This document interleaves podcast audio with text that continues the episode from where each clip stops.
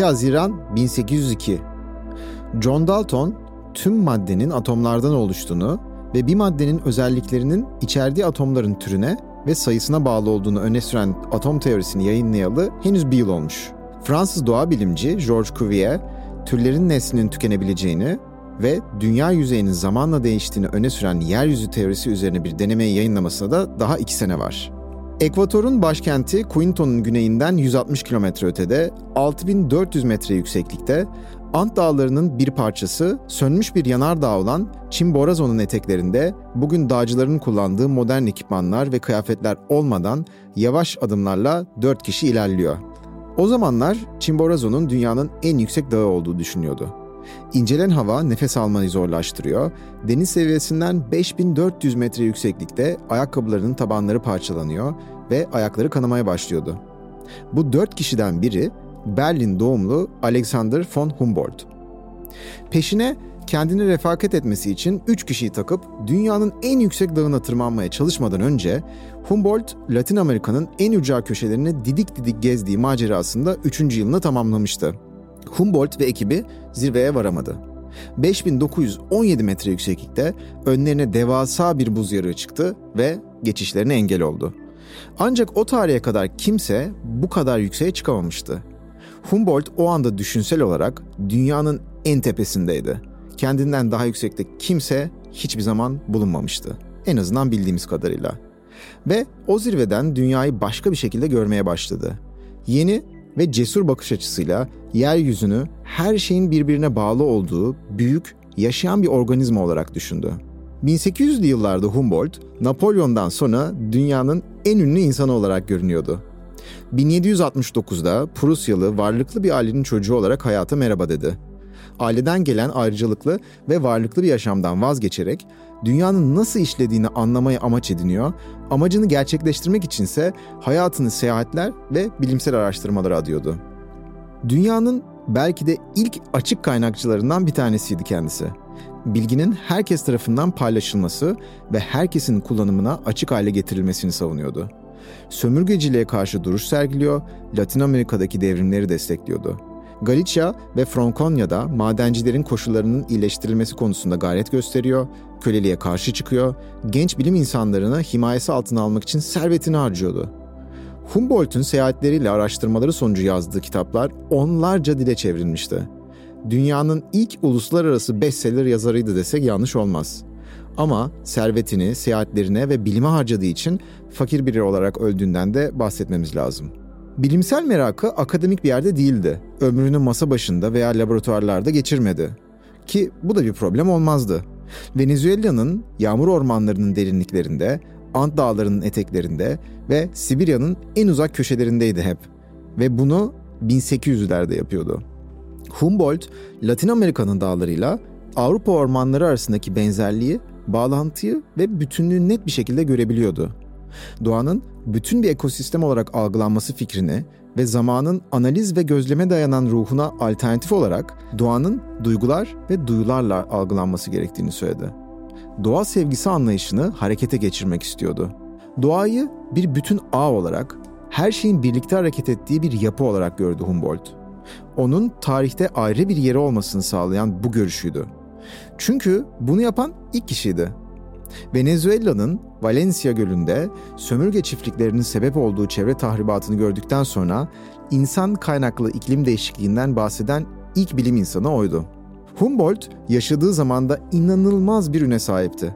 Genelde Kozmos eserini ilk kez düşündüğümüzde Neil deGrasse Tyson'ın belgesel serisi aklımıza gelir. Ya da en iyi ihtimalle Carl Sagan'ın meşhur kitabı Kozmos. 19. yüzyılda yaşayan biri içinse Kozmos dendiğinde Humboldt'un hayatının son yıllarında yazdığı ve dünya üzerinde bilgi toplayan çeşitli bilim dallarını birleştirmeyi amaçladığı o eser aklına geliyordu. Doğaya, ekosistemlere, biyoçeşitliğe bakışımızı kökünden değiştiren bu bilim insanı, aynı zamanda insanların iklime müdahalesinin gelecek kuşaklar için öngörülmez sonuçları olduğunu daha 1800'lü yıllarda söylemişti. İlginç bir şekilde Almanya ve akademi dünyası dışında unutulmuş Humboldt'u hatırlamak bize, doğaya ve biyoçeşitliğe bakışımız için çok iyi gelecek.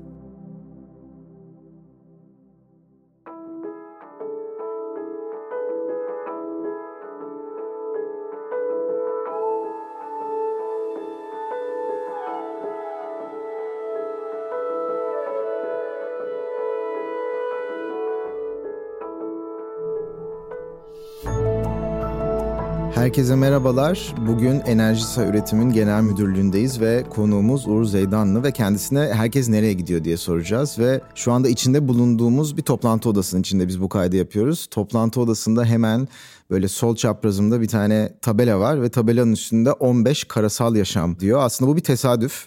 15 e, karasal yaşam dediğimiz sürdürülebilir kalkınma amaçlarının 15.si ve karasal yaşamla ilgili. Ve biz de bugün Uğur Hocam'la birlikte aslında biyoçeşitlilikle ilgili olarak konuşacağız. Hoş geldiniz. Hoş bulduk. Merhabalar. Ee, Uğur Hocam sizi kısaca bir tanımayı çok isteriz. Bu tanımayı yaparken de aslında şu anda yaptığınız işi, hayatınızın son 20-25 yılını adamış olduğunuz bu mesleği severek ve bir noktadan etkilenerek insanların başladığını görüyoruz biz farklı konuşmalarımızda. Ve sizin YouTube'da yaklaşık 25 yıl önce yapılmış bir röportajınızı izledik ODTÜ'de okurken daha bir öğrenciyken ODTÜ'nün içerisinde çok ciddi bir tabii biyoçeşitlilik var işte gölü var vesaire. E, orada doğayı tanıtırken doğadan ne kadar etkilendiğiniz ve büyülendiğinizi anlatıyorsunuz. E, sizi bu yola sokan bu muydu? E, güzel bir soru oldu bu. Bayağı eskilere gittim. e, aslında şöyle ben ODTÜ biyoloji bölümünde öğrenciydim o bahsettiğiniz dönemde. Tabii ODTÜ biyoloji daha çok genetik ve moleküler biyoloji ağırlıklıydı hmm. ama ben bir şekilde özellikle de kampüsün doğasında onda çok etkisi var.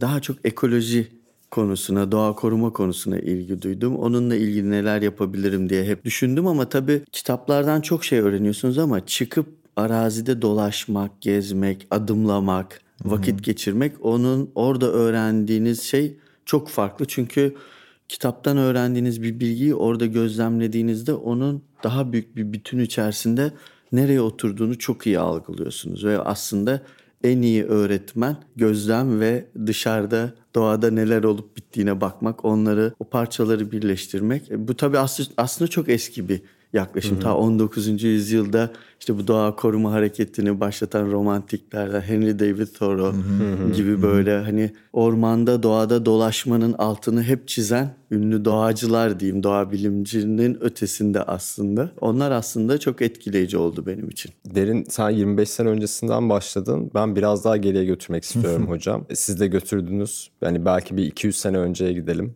yani özellikle 19. yüzyılın başında birkaç istisna haricinde sizin söylediğiniz gibi bu aslında bugün podcast'in başında da hikayesini anlattığımız Alexander Humboldt'un söylediğinin aksine çok doğayı insandan ayrı gören ve böyle korunması gereken, incelenmesi gereken, ayrıntılandırılması gereken bir obje olarak gören ve insanı doğadan ayrılan bir perspektif hakim aslında şu andaki bizim de içinde bulunduğumuz aslında bilimsel dünya ya da batı dünyasının anlayışına. Ama mesela Alexander Humboldt'a bakıyorsunuz o hani ilk kez daha o zaman hani insanlar bunu incelemeye çalışırken doğayı e, biraz doğa sevgisinden bahsediyor. Doğa aşkından bahsediyor. E, ama şu anda geldiğimiz noktada da doğayı sanki hani insanın ötesinde, insandan ayrı bir şey ve tamamen korunması gereken bir şey olarak görüyoruz. Hı hı. Tam olarak nasıl geldik bu noktaya? Önce aslında izin verirseniz Humboldt'la ilgili ben de bir şey söylemek Lütfen. istiyorum. Biz aslında bugün küresel düzeyde bir doğa biliminden, ekolojik yaklaşımlardan veya çevre sorunlarından bahsedebiliyoruz. Burada aslında uydu görüntülerinden atmosferik ölçümlere kadar çok büyük bir teknolojik arka planla bunu yapıyoruz. Hı hı. Ve hani aslında her şey nasıl birbiriyle ilişkili olduğunu görüyoruz ve çözüm süreçlerinde öyle planlıyoruz ama Humboldt bunu bütün bu araçlar olmadan sadece yaptığı seyahatlerdeki gözlemleriyle hı hı. ortaya koyan ve aslında bu işin bilimsel altyapısının gelişmesinde en önemli katkıyı veren bilim insanlarımızdan biri. Ne kadar gözlemin gücünü aslında yine oraya geleceğim. Humboldt oradaki en hani ikonik örneklerimizden biri. Aslında bütün dünyanın nasıl bir sistem içerisinde birbiriyle bağlantılı olduğunu ikliminden coğrafi boyutuna kadar ortaya koyan önemli bilim insanlarından bir tanesi. Sizin sorunuza tekrar geri dönecek olursak da e, aslında bugün dünyada iki tane büyük krizle karşı karşıyayız. Ben onlara aslında kök kriz diyorum. Bir tanesi biyolojik çeşitlilik kaybı, bir tanesi de iklim değişikliği. Aslında bunlarla beraber çok farklı, çok daha fazla sorun da yaşıyoruz. Sağlıkla ilgili olsun, toplumsal refahla ilgili olsun. Bu pandemi döneminde de gördük. Aslında yani orada yaban hayatıyla olan, doğayla olan ilişkimizin bozulmasının bize nelere mal olabileceğini de yaşadık. Artı bir de ne kadar ihtiyacımız olduğunu da gördük. Yani hiçbir şey olmasa psikolojik olarak hepimiz kendimizi parklara atmanın Hı-hı. rahatlığı peşindeydik. Şimdi bu bütüne zarar verdiğinizde veya bir şekilde bir yerinden bir müdahalede bulunduğunuzda aslında her şeyi etkiliyorsunuz olumsuz bir yönde. Yani artık yağmur ormanlarının yok olmasına bana ne demek mümkün hmm. değil. Arkanızı dönmek mümkün değil ya da buzulların erimesine ya da işte herhangi bir yerdeki önemli daha böyle güncel altyapısıyla söyleyeyim karbon stokunun yok olması, tahrip edilmesi hepimizi etkiliyor olduğunu artık biliyoruz. Yani burada tabii sizlerin de çok önemli bir rolü var. Bunları duyuran, anlatan, halka, kamuoyuna ulaştıran kişiler, yayınlar aslında çok önemli bir rol oynuyor. Bu noktaya gelmek aslında sevindirici. Bir Hı-hı. açıdan trajik komik diyebileceğimiz Kesinlikle. bir şey. Bir açıdan hani böyle bir trajedi yaşıyoruz bir yandan da bu trajedinin farkında olunmasının da hı hı. olumlu bir şey olarak görüyoruz. Artık hani bunu nasıl değerlendirmek lazım Doğru, bilemiyorum. Kes, kesinlikle tam olarak bu nokta aslında o biyoçeşitliğin içinde yer alan bir tür sebep olduğu şeyi düzeltmeye çalışıyor bir yandan. Bir yandan sebep olduğu şeyler yüzünden diğer ortaklarını diyeceğim ben artık. Yani diğer türlere bizim bu dünyadaki ortaklarımız olarak bakacak olursak onları koruma ihtiyacı hissediyor. Yani böyle bir duruma geldik aslında. Evet. O halde Utku ben senin geriye taşıdığın zaman çizelgesini çok geriye taşıyorum. Bundan geriye gidemeyiz diye düşünüyorum. 65 milyon yıl öncesine gidelim. İlk yaptığımız podcast kaydında Ömer Madra ile yapmıştık. Yani kendisi çok uzun yıllardır iklim değişikliği konusunda bir iletişim yapıyordu ve bir saygıdan biz kendisini davet etmiştik ve kendisi şu anda insanlığın 65 milyon yıl önceki dinozorlara benzetmişti.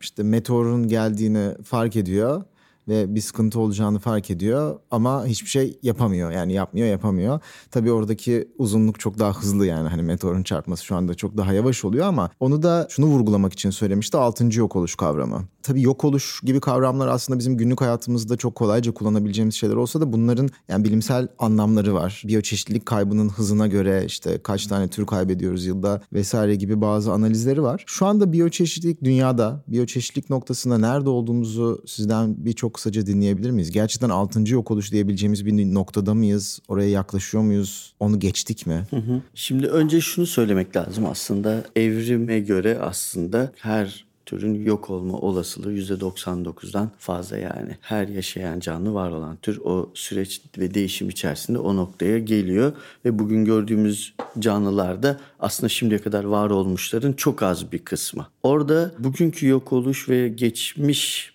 5 büyük yok oluşu öyle tanımlanıyor. Birbirinden farklı kılan şöyle bir nokta var. Bence şu anki durumumuz daha dramatik, daha kötü. Ee, onun sebebi de şu. Hani biz çevreciler olarak illa her şeyin kötü yönünden bahsederiz. Felaket senaryolarını çok kullanırız ama burada tamamen bilimsel bir bakış açısıyla bir ifadede bulunacağım. Kesinlikle bir felaket tellalı niteliğinde değil. Şimdi bütün bu yok oluş süreçlerinde aslında işte o buzul çağlarına girişle ilgili dinamikler onlar büyük oranda. Bir de tabii işte bahsettiğiniz gibi katastroflar hani onlarla ilgili teoriler var. Oradaki mesele aslında şu bunlar çok daha uzun bir zaman dilimine yayılmış süreçler olduğu için ekosistemlerin bütün türlerle beraber yani sadece türler olarak bakmamak lazım. Ekosistemlerin dinamiklerinin içinde yaşayan türlerle beraber buna uyum sağlama ve çözüm üretme imkanı oldu. Bir kısım türler buna uyum sağlarken daha büyük ölçekte ekosistem olarak baktığımızda da belli bir fonksiyonu yerine getiren bir tür ortadan kalktığında onu yerine getiren başka türler devreye girdi ve hmm. sistemin işleyişi bir şekilde çok büyük bir sıkıntıya uğramadı. Kırılma en azından olmadı diyebiliriz. Ama şimdiki yok oluş o kadar kısa bir zaman diliminde yaşanıyor ki doğanın yani türlerin ve ekosistemlerin buna uyum sağlama kapasitesi, sistemi, mekanizması aslında yetersiz kalıyor. Ee, esas en büyük sorun da bu ve bu açıdan baktığımızda kaybettiğimizin yerine bir şey koyamıyoruz. Şöyle düşünün bir balıkçı ağı hep örneği verilir. Hmm. İlmikler işte kopuyor kopuyor. Ağ bir şekilde balık tutmaya devam ediyor ama bir noktadan sonra fonksiyonunu yerine getiremez oluyor. İşte ekosistemler de öyle aslında. Onları kaybediyoruz ve çok hızlı bir şekilde kaybediyoruz. Onu onaracak vaktimiz, zamanımız da olmuyor. Öyle bir dinamik de yok maalesef. O yüzden de biz bu yok oluştan öncekilere göre içinde yaşadığımız için belki ya da bu sebepten dolayı çok daha fazla endişe ediyoruz. Ben bir de kayıtlara girmesi açısından şunu sormak istiyorum. Neden bu yok oluş yaşanıyor? Doğrudan insan kaynaklı mı? Do- ee, evet, çok güzel bir soru. Böyle iki farklı ölçekte cevap vermek istiyorum. Bir tanesi en önemli yani kayıpla ilgili dinamiği açıkladığımız en önemli temel aslında habitat, yaşam alanlarının, yaşam ortamlarının kaybolması hı hı. diyoruz. E, çünkü hani bir yerde bir türe zarar vermek başka bir şey. Orada yaşayan bütün canlılarıyla birlikte bir orman ekosistemini ortadan kaldırmak başka bir şey. Hı hı. İklim değişikliği de yine aslında bu habitatların özelliklerinde bozulmaya sebep olduğu için biyolojik çeşitlilik kaybını tetikliyor. Şimdi bu aslında daha bilimsel hani dinamikle ilgili şu mevcut yaşadığımızla ilgili bir açıklamaydı ama bunun biraz arkasına gidersek esas aslında bizim nasıl yaşadığımızla ilgili bir sorun olduğunu düşünüyorum. Yani bizim insanlar olarak, devletler olarak, toplum olarak nasıl bir kültür içerisinde olduğumuz, nasıl bir tüketim kültürü içerisinde olduğumuz, ekonomi sistemlerinin bizi nasıl buna zorladığına baktığımızda bence esas aslında sıkıntının mevcut ekonomik modellerin e, olduğunu düşünüyorum. Yani bu işte tüketime dayalı bir ekonomik büyüme modeli aslında bizi bence bu noktaya getirdi. Ya, ya aslında o habitat kaybına sebep olan bizim üretim ve tüketim pratiklerimiz yüzünden o kaynağı kullanmak için başka canlıların habitat alanlarını küçültecek şekilde faaliyette bulunmamız yani aslında. Evet, bir... evet. Aslında bir örnek ver, vermek Tabii, istiyorum böyle somutlaştırmak Hı-hı. için.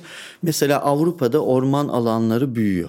Asya'da Hı-hı. da büyüyor ama Afrika'da ve Güney Amerika'da azalıyor. Neden azalıyor? Afrika'dakiler kahve ve palmiye üretimi için yağmur ormanları temizleniyor ve oradaki işte kahve ve palmiye yağı tarlalarına dönüşürken Afrika'daki yağmur ormanları da hamburgere dönüşüyor. Şöyle oradaki Şeydeki, ormanlarda gün, hayvancılık Güney yapmak için. Güney, Afri, Güney Amerika'daki. Ki Afrika'da. Afrika'daki Afrika'da yağmur mı? ormanlarından bahsediyorum. Hı hı. Evet. Orada da büyük oranda hayvancılığı desteklemek için hı hı. ormanlar, yağmur hı hı. ormanları kesiliyor. Hı hı. Şimdi tamam kesen biz değiliz ama tüketen biziz. Hı.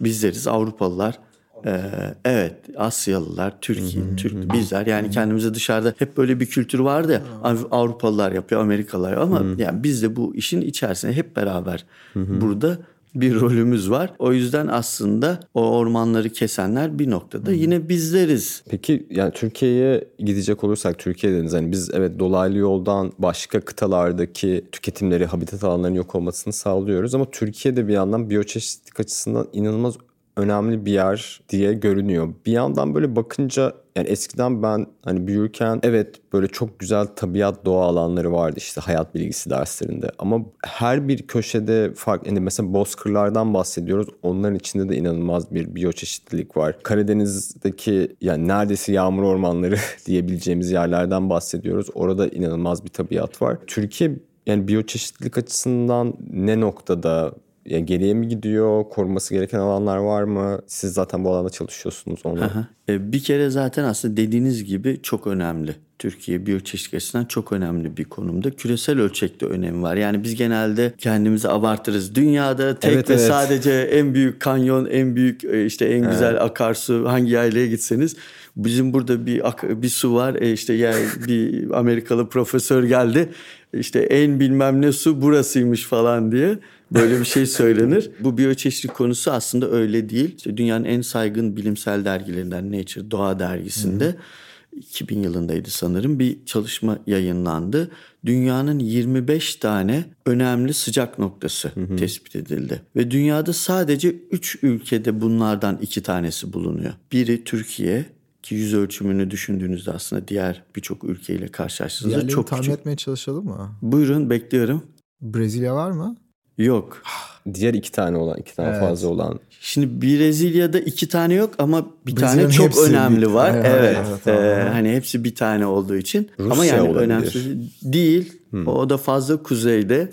Kuzeye gittikçe azalıyor. Söndürüyor. Evet. Ee, Böyle Costa Rica falan gibi küçük ülkeler olabilir mi? E, değil. Yine birazcık daha bizden. Evet, tamam, yani okay. en küçüğü biziz. Tamam en küçüğü biziz. Biraz daha büyük. Hocam o zaman sizden duyalım.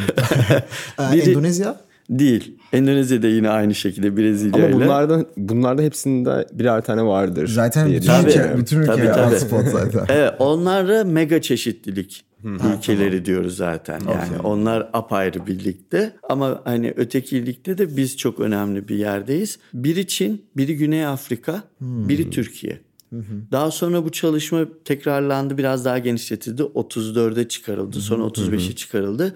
Yine sadece 3 tane ülkede 3 tane var. Yine aynı ülkeler. Türkiye hmm. yine orada. Yani bizim hem Akdeniz bölgemiz hem bozkırların olduğu İç Anadolu ve Doğu Anadolu bölgemiz ki o ta İran ve Orta Asya'ya doğru uzanan bir coğrafya. Hem de bu Kafkasya bölgesi dediğimiz Doğu Karadeniz, hı Gürcistan, Ermenistan, Azerbaycan, İran, e, Rusya'nın bir kısmı oraya uzanan coğrafya. Bunların üçü de biyolojik çeşitlilik sıcak noktası.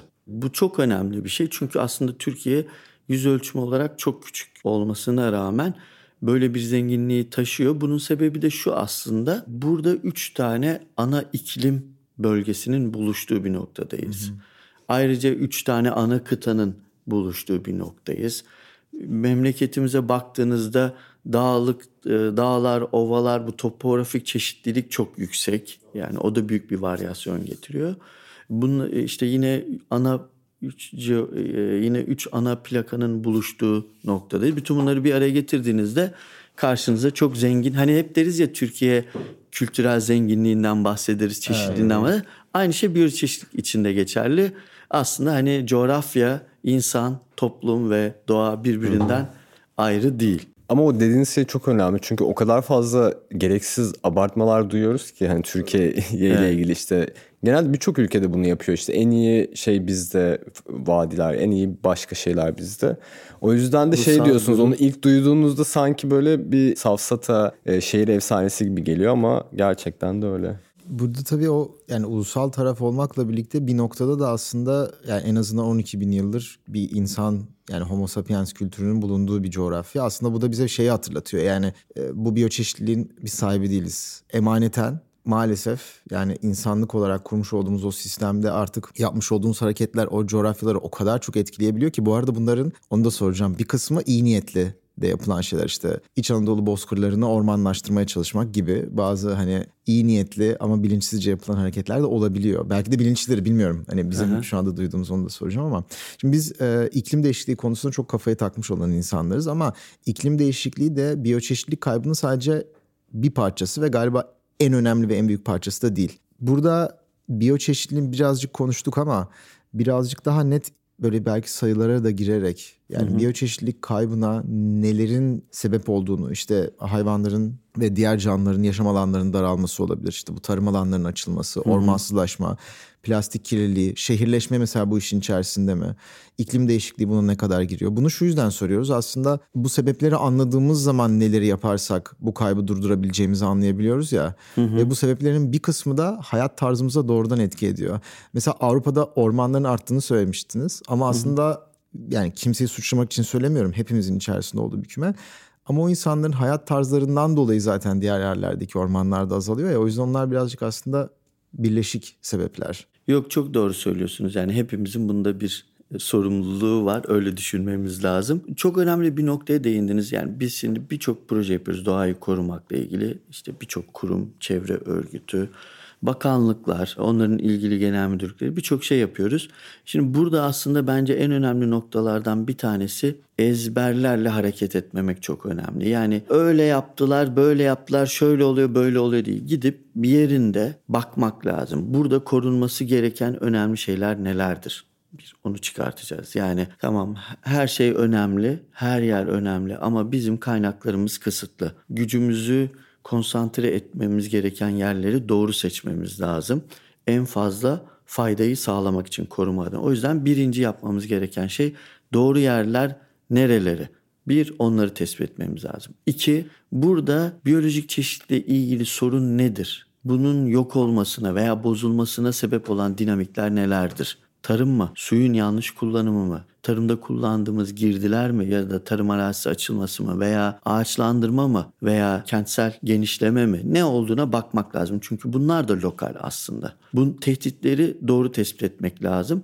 Sonra da bu ikisini bir araya getirebilmek ve uygun çözümleri bulmak için de elimizdeki imkanlara bakmamız lazım. Yani neyi yapabiliriz? Yapabileceğimiz şeyle uğraşmak lazım. Yapamayacaksak gidip yapabileceğimiz nedir ona bakalım. Çünkü öyle yapmadığımızda boşuna kürek çekiyoruz. Tamam çok güzel sloganlar ve açıklamalarla ortada dolanabiliriz ama günün sonunda ne elde ettik o tartışılır. Ona dikkat etmemiz çok önemli. Orada da mesela ağaçlandırmadan bahsettiniz. Şimdi hepimiz konuşuyoruz. İklim değişikliğiyle ilgili mücadelede iki tane ana aracımız var. Bir tanesi uyum, bir tanesi azaltım.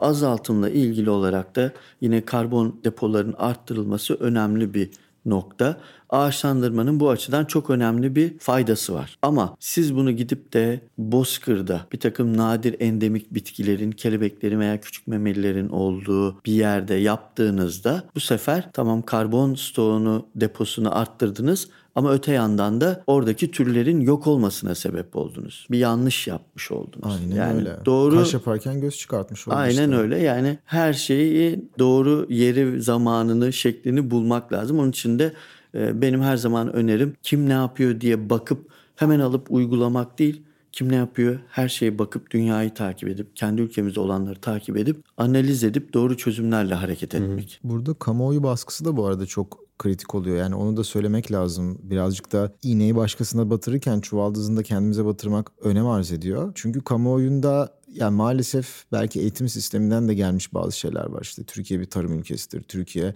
sulak bir ülkedir vesaire gibi. Aslında çok da doğru olmayan bazı bilgiler var kendi içimizde ve bunların içerisinde de her yeri ağaçlandıralım da bunlardan bir tanesi. Bazı biyoçeşitlik alanlarının veya bazı coğrafyaların buna uygun olmayacağını düşünmek de bunun içerisinde işte biz orman yangınları ile ilgili bir belgesel çalışması yapıyorduk. İnsanlar hani şeyden bahsediyordu ya işte oralara fındık dikelim vesaire. Yani abi o yanan araziye bir yani biz oraya gittiğimiz zaman dağ taş ya burası bu arada dağ taş derken hani uzak anlamda kullanmıyorum gerçekten taş. Yani ben orada nasıl orman olduğunu bile anlayamıyorum ama o kadar büyük arazilerden bahsediyoruz. Yani inanılmaz bir kopukluk var. Hı hı. Kamuoyunun algısına sahip olurken veya yaratırken ki bilgi dağarcığı maalesef o kadar kısıtlı ki şehirler içerisinde hapsolmuş bir şekilde yaşıyoruz. Yani bu çok evet. normal. Beklenti de maalesef bazen ağaç dikilmesi oluyor. İşte bizim de birazcık görevimiz orada hani insanları doğru yönlendirmek değil de en azından kendi bildiğimiz veya sizlerden duyduğumuz şeyleri paylaşmaya çalışmak e, oluyor burada da. Orada tam olarak aslında planlama meselesinden bahsettiniz. Yani doğru planlama, doğru gözlem, kim nerede ne yapıyor onu tespit edip kendimize göre nasıl uygulayabiliriz diye aslında analiz etmek. Orada Türkiye açısından değerlendirince yani yurt dışındaki araştırmalarla, araştırmacılarla doğru bir iletişim var mı e, buradaki çalışmalarla ilgili? Yani hem kamuyla olabilir, kamu seviyesinde olabilir bu. Hem hı hı. E, bilim insanları seviyesinde olabilir. Ya da hocam sizin diğer hani şapkanız olarak hani dernekler, araştırma, think tankleri ve hı hı. bu sahada çalışan örgütlerde öyle bir gerçekten doğru bilgi akışı oluyor mu kurumlar arasında? Hı hı. Güzel bir noktaya değindiniz aslında. Yani o doğruyu yapmaktan bahsettiğimizde ister istemez oraya geliniyor. O, o çok iyi yakaladınız onu. Aslında eskiye göre o konuda çok iyi olduğumuzu düşünüyorum. Yani bütün dünya olarak e, bu internet hmm. sayesinde ki hele bir de bu pandemi döneminde yani bir araya gelmeden de birlikte bir şeyleri üretebilmeyi de daha fazla öğrendik yollarını. O konuda çok iyi bir paylaşım var. Hem bilim insanlarının o konudaki paylaşımla ilgili örgütlenmesi ve yayınlar, onların takibi, ulaşımı o konuda çok iyi bir altyapı var. Hem de aslında sivil toplum örgütleri de bence oldukça o konuda iyi durumda. Yani biz mesela birçok konuda işte bakıyoruz kim ne yapmış ya hani bizim yapmak istediğimizi daha önce yapmış bir sivil toplum örgütü veya bilim insanı varsa bir e-mail yazıp gönderdiğimizde ve derdimizi de doğru açıkladığımızda e, hemen tecrübelerini, donanımlarını bizimle paylaşıyorlar. O açıdan aslında bence geçmişe göre çok şanslı bir noktadayız. Çok iyi bir noktadayız. Bir ayrıca şunu da belirtmek istiyorum. Yani Mesela Türkiye'de şunu rahatlıkla söyleyebiliriz. Bu çevreyle ilgili çalışan sivil toplum örgütleri, kurumları bir ihtiyaç olduğunda, gerektiğinde her türlü desteği birbirine verme konusunda, birlikte çalışma konusunda ki fikir ayrılıkları olabilir ki bence bu gayet doğal, normal bir şey, olması gereken bir şey hatta ama bir konuda birlikte çalışma ihtiyacı olduğunda da o birlikteliği oluşturabilecek bir kültür var. O onun ardından da o bilgi paylaşımı da doğal olarak geliyor aslında. Ben onun sevindirici olduğunu düşünüyorum. Bu arada bu tekrar bu söylediğiniz bana e, Alexander Humboldt'u hatırlattı. Çünkü o meşhur seyahatlerini yaptıktan sonra da hayatının son yıllarını hani Paris'te belki de o zaman ilk örneği olan hani farklı bilim dallarında çalışan bilim insanlarını topladıkları konferanslar, mektuplar yazıyor ve en sonunda da Kozmoz diye aslında farklı bilim dallarında neler oldu şu ana kadar diye e, yaptığı bir derleme toplama yapıyor ve e, şu anda kendisiyle ilgili yazılan kitaplarda da hani şu andaki işte bu bilim insanların devamlı konferanslara gidip birbiriyle konuşması tabii şu anda internet ve uçağın olduğu bir çağda yaşıyoruz ama hani onu daha 19. yüzyılın ortasında yapıyor olması da ilginç oldu onu onu hatırlattı ona da tekrar bir selam olsun. Ben de tam bu buradan bu arada bağlayacaktım.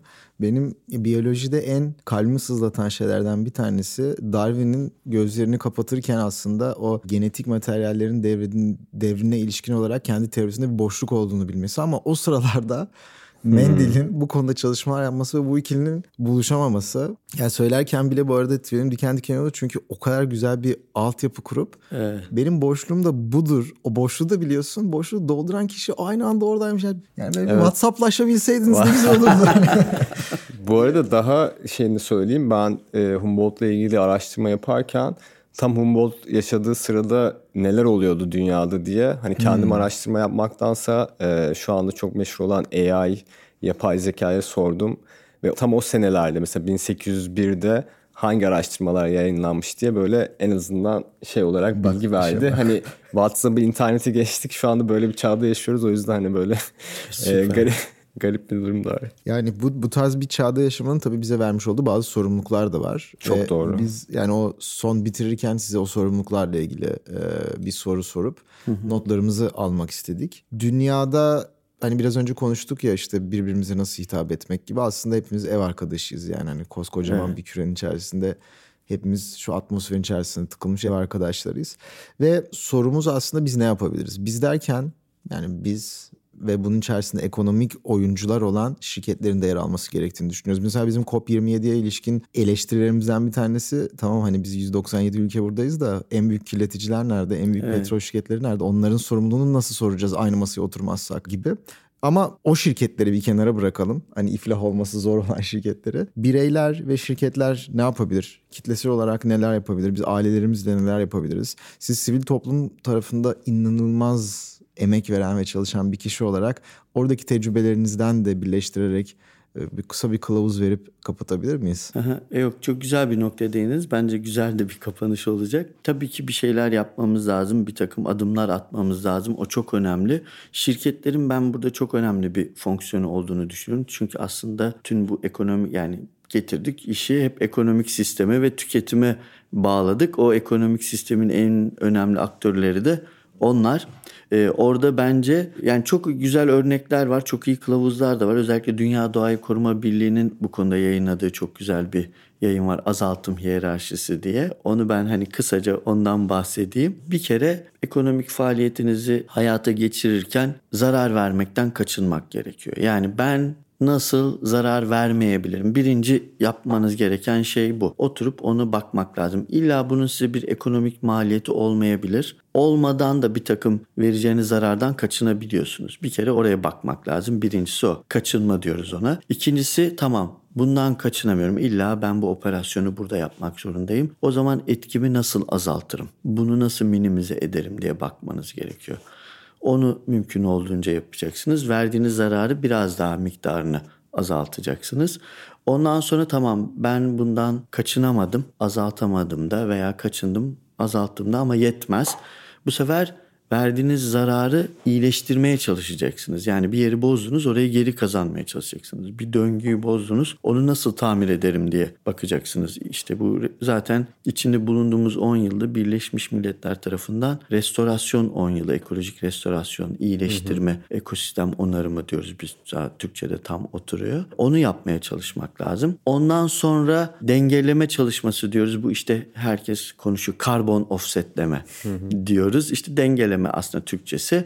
O verdiğiniz zararı dengelemek için ekstradan yapmanız gerekenlere Hı-hı. bakacaksınız ki aynı mekanizma şimdi karbon içinde olan mekanizma biyolojik çeşitlilik içinde hayata geçirilmeye çalışılıyor ki bizim ülkemizdeki şirketler de bayağı yoğun bir şekilde takip ediyor. Yani performans ve ortaya çıkan sonuç açısından aynı şeyi söyleyemeyeceğim. O kadar iyimser değilim henüz. Hı hı. Ama umarım o da olur. Ama evet. Öyle bir çaba var. Takip ediyorlar, bakıyorlar, ilgileniyorlar. E, bunu da yaptıktan sonra en üstü artı ne katabilirim? Yani daha fazla ne yapabilirim? Ben ülkemin doğası için veya dünyanın doğası hangisini isterseniz alabilirsiniz. Bölge, ülke, dünya. E, burada daha fazla neye destek olabilirim, neyin değişmesini, dönüşmesini sağlayabilirim. Bu şekilde tabii ki hiç bu işlerin içerisinde olmayan bir şirketin bir kere de o hiyerarşinin en üst kısmına gelmesi mümkün değil. Çünkü o kurumsal politikalara, hı hı. sistematiğe oturtmak lazım. Kurumun kültürüne yerleştirmek lazım bunu ama en alttan başlayıp yukarıya doğru bence gidilebilir. O adımları atmak lazım. Ya burada şey gibi böyle şirketlere bir şey yapmasını söyleyince sanki onlara ya sen kar ettiğin işi bırak evet. tamamen fokusun bu olsun demiyoruz aslında. Yani sen zaten iyi kar et ama zarar vermeden hatta karını katla ki bu tarz faaliyetlere ve işlere kaynak aktarabilirsin. Aslında hani gerçekten şirketi bir birey gibi düşünürsek e, aslında her yani iyilik yapmak isteyen insan içinde de böyle bir şey vardır ya ama mesela kendi hayatını idame ettiremiyorsun zaten ona zaman ayıramaz. Şirketler için de öyle. Kendini aslında iyi bir yere getirdikten sonra evet ben şimdi doğayla ilgili, dünya ile ilgili daha iyi ne yapabilirim diye düşünecek bir yere gelebiliyor aslında. E, bireylerle ilgili de hani şirketten bireyleri de söylemek lazım. Yani. Orada da bence şöyle bir nokta var. Yani aslında biz gündelik hayatımızda birçok tercihte bulunuyoruz ve o tercihlerimizi bu konuda yönlendirerek bir takım şeylerin ufak ufak değişmesini sağlayabiliriz. Yani bir bireyin, vatandaşın gücü aslında işte o gündelik hayatına yaptığı tercihler veya politik tercihleri yani politik tercihlerimizi de partilerin çevre politikalarına bakarak yapabiliriz. Yine aynı şekilde günlük alışverişimizi veya ulaşım veya herhangi bir ihtiyacımızı karşılarken bunlar aslında çok önemli. Yani kesinlikle küçümsememek lazım. Hepimiz bunu yaparsak çok kolay bir şekilde dönüşümü tetikleyebiliriz. Çok teşekkürler hocam bugünkü değerli vaktiniz için. Geleceğe dair aslında en son söylediğiniz cümle bana çok dokundu. Çünkü eğer hepimiz buna kafa kafaya verirsek başarabileceğimiz bir şey olduğundan bahsettik. Tabii zaman da bizim yanımızda aslında. Biz her ne kadar bu dünyada 80 yıl yaşıyor olsak da ekolojik zaman içerisinde bu çok küçük bir birim. Jeolojik zaman içerisinde yok gibi yok. bir şey. o yüzden de zaman da yanımızda tekrar onarmak konusunda bir problem yok. Yeter ki kafa kafaya verelim dediniz. Çok teşekkürler değerli vaktiniz için. Herkese de dinledikleri için çok teşekkür ederiz. Ben de bu fırsat için çok teşekkür ederim. Çok keyifli bir sohbet oldu. Sorular da çok keyifliydi. Çok sağ olun. Çok sağ olun. Çok, çok. sağ olun.